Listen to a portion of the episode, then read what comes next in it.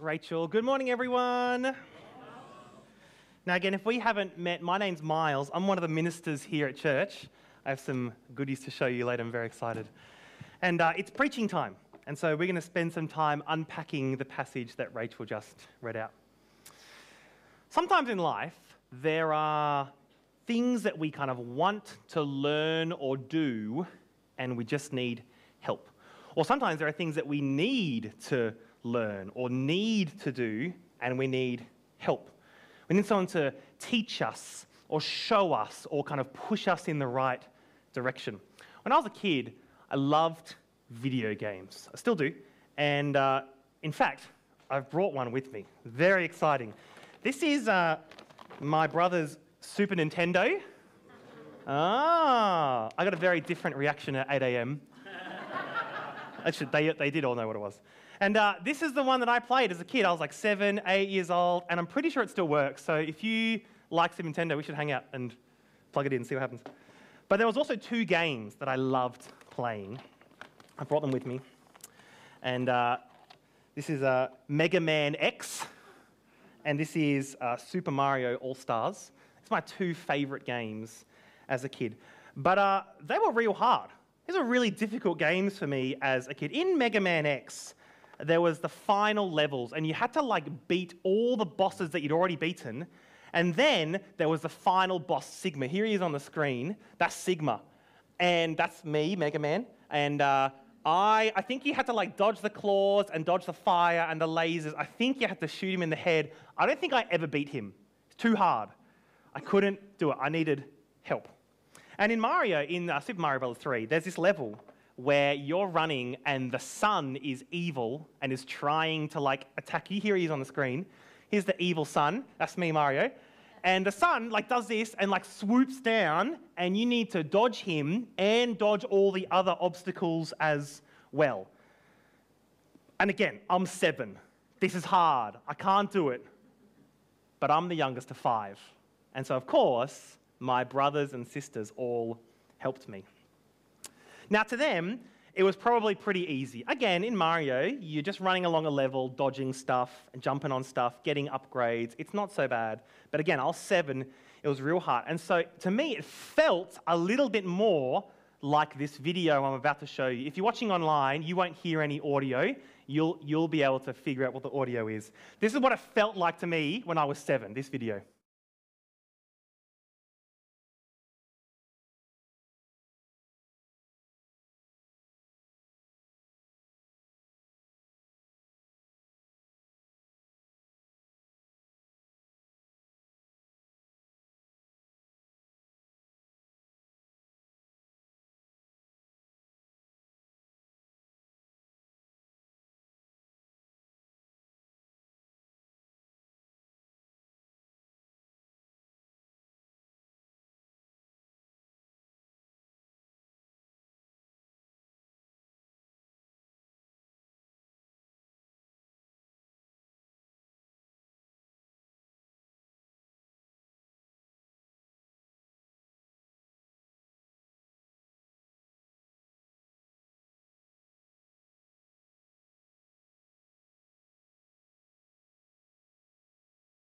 Level ever, and it was made recently. But that's what it felt like.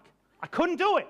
And so I needed help, and luckily for me, I had great brothers and sisters who helped me. Sometimes you need help. Isn't that just true? That's what we need.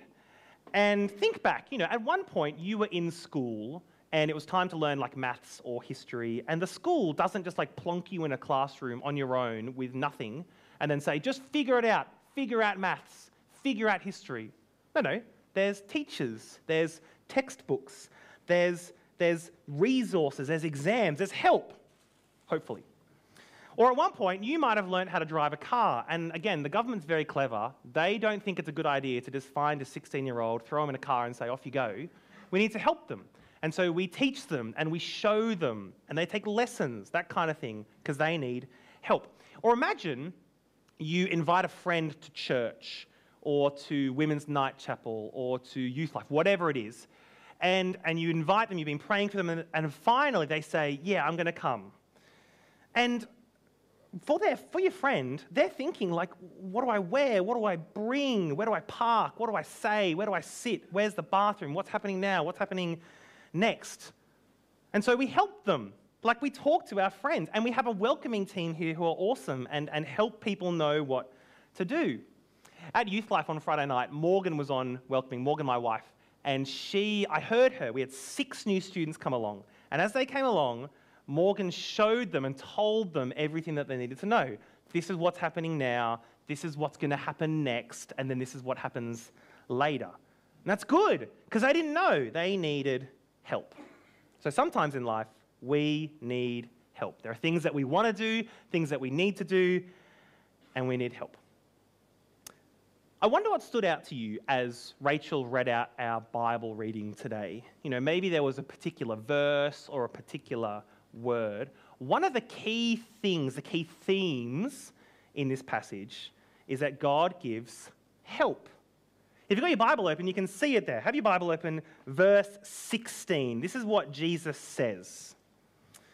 And I will ask the Father, and he will give you another advocate to help you and be with you forever the Spirit of truth. Who's the Spirit of truth? Well, look at verse 26.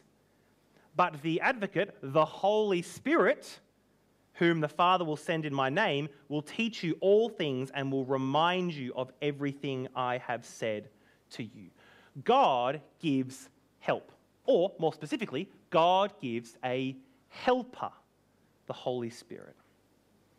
If you were around at church here last year, you might remember we did a sermon series on the Trinity. And we learned about the Holy Spirit and what he's like and what he does. He is God and he is an advocate, a helper, and God gives him to us. But the question is on the screen who is us? Who receives the Holy Spirit? Well, the answer is in the passage. Have a look at verse 15. Jesus says, If you love me. That's the summary phrase for the whole passage. Jesus is addressing those who love him. And so the first thing he says to those who love him is the rest of verse 15 keep my commands. We'll talk about that later. But the second thing he says to those who love him is verse 16 I will ask the Father to give you the Holy Spirit. And so, who is us? Who gets the Holy Spirit? The answer is people who love Jesus. That's what John says in chapter 14. That's the language he uses. And so it's right for us to use it too. And John tells us this truth in another way as well. In verse 15 and 16, he says that the people who love Jesus get the Spirit. But then in verse 17, he says the opposite to make sure we know what he's talking about. He says, The world, in verse 17, the world, people who reject Jesus, people who don't love Jesus, they cannot see or know the Spirit. And so then, answer on the screen who receives the Holy Spirit? Those who love Jesus.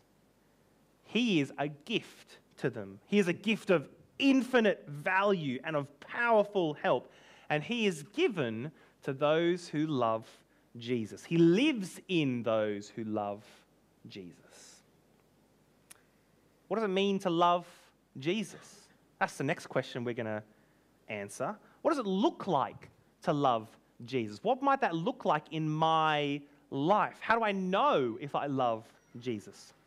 Well, it's always very handy in the Bible when Jesus just tells us the answer. And here, he tells us four times in our passage. Have a look at your Bibles. Verse 15 If you love me, keep my commands. Verse 21 Whoever has my commands and keeps them is the one who loves me. Verse 23 Anyone who loves me will obey my teaching.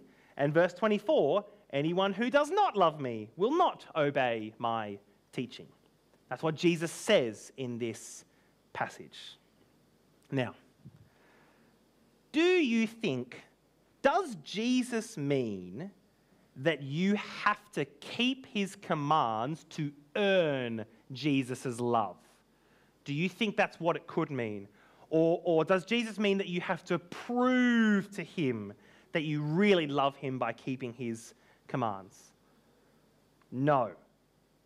It cannot mean that because the Bible is real clear. We can't earn God's love. We don't earn salvation. We don't earn being saved by God. No, no, it's all given by grace. It's all a gift. That's Ephesians chapter 2, right? You have been saved by grace, not works. Real clear. We don't earn God's love. In fact, the Bible tells us what we earn, what our wage is you know, you go get a job at KFC or you become the prime minister or whatever it is, and I know which one I want, but you, you go get a wage, you get money, you get paid for what you do. And in the book of Romans, chapter 6, the wages of sin is death. That's what I earn. That's the, that's the currency I receive for my efforts death. But the verse doesn't end there. It says, the wages of sin is death, but the gift, the grace of God is eternal life. And so Jesus cannot mean that it's about earning love or proving love. So, what does it mean then? What does he mean when he says, If you love me, keep my commands? He means, if you love him, the, the result of that love is you will keep his commands.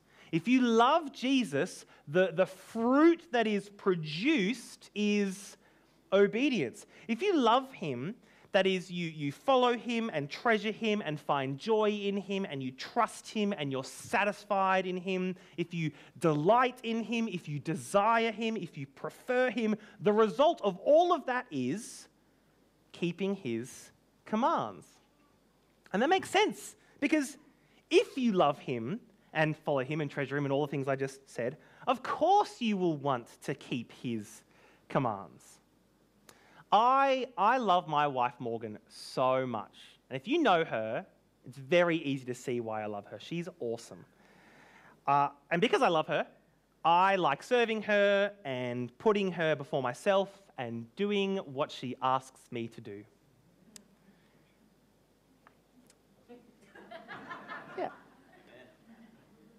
All the time, perfectly. No.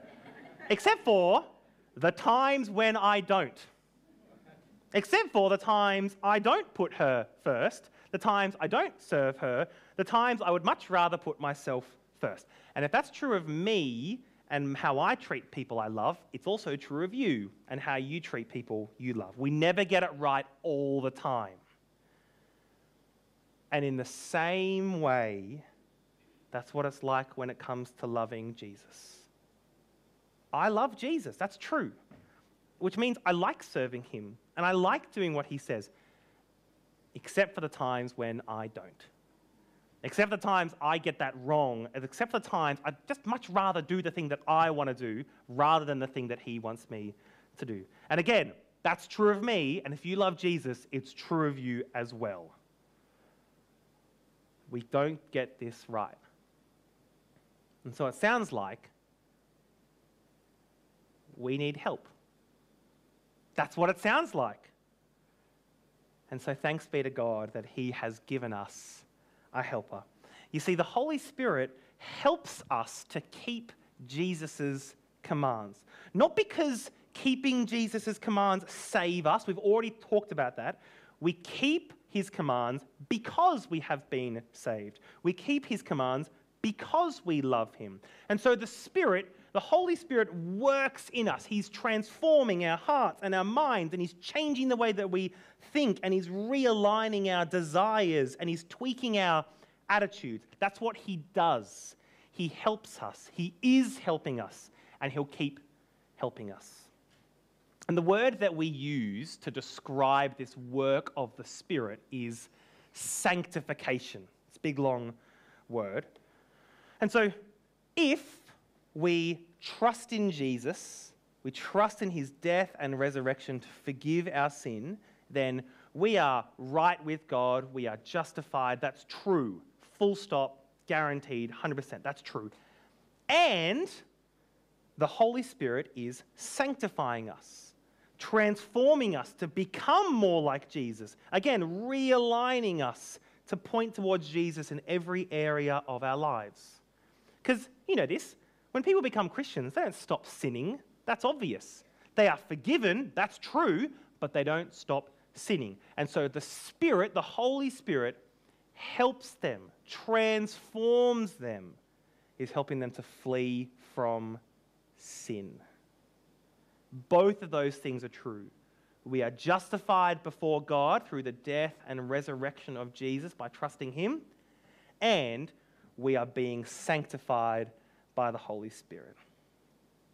And so then, we can finally answer the question on the screen. What does it look like to love Jesus? It looks like obedience to Him with the help of the Holy Spirit. That's what it looks like. Not because being obedient saves us, again, real clear, but in response to what He has done, we are obedient. Now, there's one more question that we need to answer. Very important. You can see it on the next slide there. What does Jesus command? That's important, right? Because if we love Jesus and we want to please him and do what he says, and that's what loving Jesus means, then what are we supposed to do? What does Jesus command?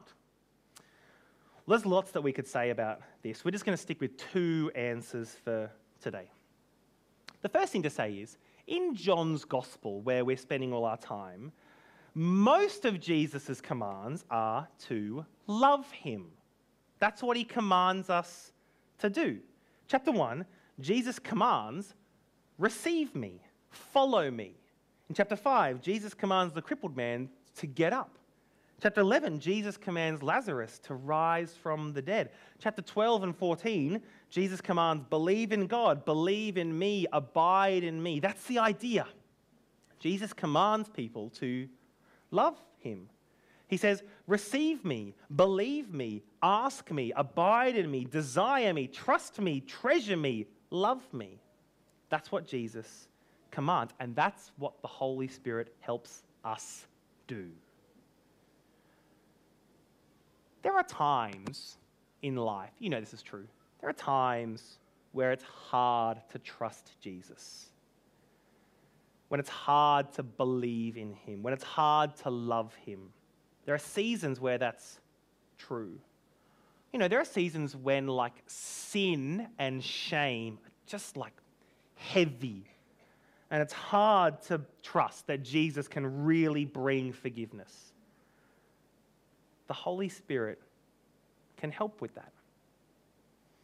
And you know, there are times when life is just not going to plan at all, and all the things that I want to do are all the things that Jesus doesn't want me to do. And it's super frustrating, and the Holy Spirit can help us with that. And you know, when Jesus just kind of like drops down the priority list and we're loving him less and we're loving other things more, like other people, goals, stuff, whatever it is, the Holy Spirit can help us to realign, to rebalance that so that Jesus is back at number one. The Holy Spirit can help us to love Jesus. And so we should ask Him to. We should pray and ask Him to help us. That's the first answer. Jesus commands us to love Him, and so the Spirit offers to help. Second thing to say is in verse 26, Jesus tells us that the Spirit, the Holy Spirit, will teach you all things and remind you of everything Jesus has said to us. And so, what does Jesus command? I mean, everything, everything else that he does. Now, we're not going to go through everything else this morning, of course. Let me just highlight a few highlights from things that we've spoken about at church over the past few months. Jesus commands us to love others. That's true, even to love our enemies. Jesus commands us to share the gospel and to be salt and light. That's a command of Jesus. Jesus commands us to pray. That's right. That's what we're supposed to do. Jesus commands us against sin, against unjust anger or, or lust or hypocrisy. And the list goes on. God has high standards. Jesus commands us to keep them, and the Spirit helps us.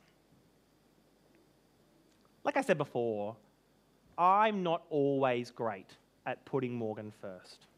I don't always get it right. And so the Holy Spirit can help me. And when you struggle to love people, the Holy Spirit can help you.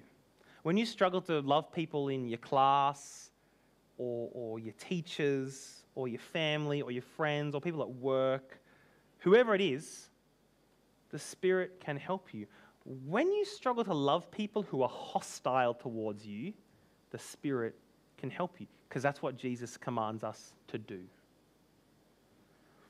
And when we're too cowardly or ashamed to share Jesus with our friends, you know, to, to read the Bible with them or to bring them to church or women's night chapel or youth life or whatever it is, the Spirit can help us. And even better, the Holy Spirit will be working in them too as you ask them. When, when prayer just doesn't seem that important, I got other things to do. I got gardening to do. I got to walk the dog. I got to eat some food. I got to do some work. We do prayer later. The Holy Spirit can help us with that, can realign that desire. And you know, when sin just abounds in our lives, when we slip backwards, when Jesus has told us to flee from sin, but instead we just like cling onto it, the Holy Spirit can help us. And so we should ask Him to. We should pray and ask Him to. And you know, with the Holy Spirit on our side, what Jesus says in verse 27 just doesn't seem that unreasonable anymore. It's on the screen for you. Here it is. Do not let your hearts be troubled, and do not be afraid. It makes sense that Jesus can say that when we have the Holy Spirit to help us. And so, who receives the Holy Spirit? Those who love Jesus. What does it look like to love Jesus? It's obedience to Him with the help of the Holy Spirit. Not because obedience saves us, but in response to what Jesus has done. And what does Jesus command? For us to love Him and then everything else He said. That's pretty hard. That's a hard teaching to hear. And so praise God that He has given us someone to help. Let's pray together. Father, thank you so much for the precious gift of the Holy Spirit. Thank you for everything that He does for us. Thank you for the ways that He helps us. And we pray that He would help us to keep Jesus' commands, that He would help us to love Jesus that will help us, help us to follow him and treasure him and find joy in him and trust him and delight in him and desire him. And, Father, would the Spirit teach us and remind us and transform us when it comes to loving others and sharing Jesus and praying and fleeing from sin and just everything else. And Father, we pray these things in Jesus' mighty name. Amen.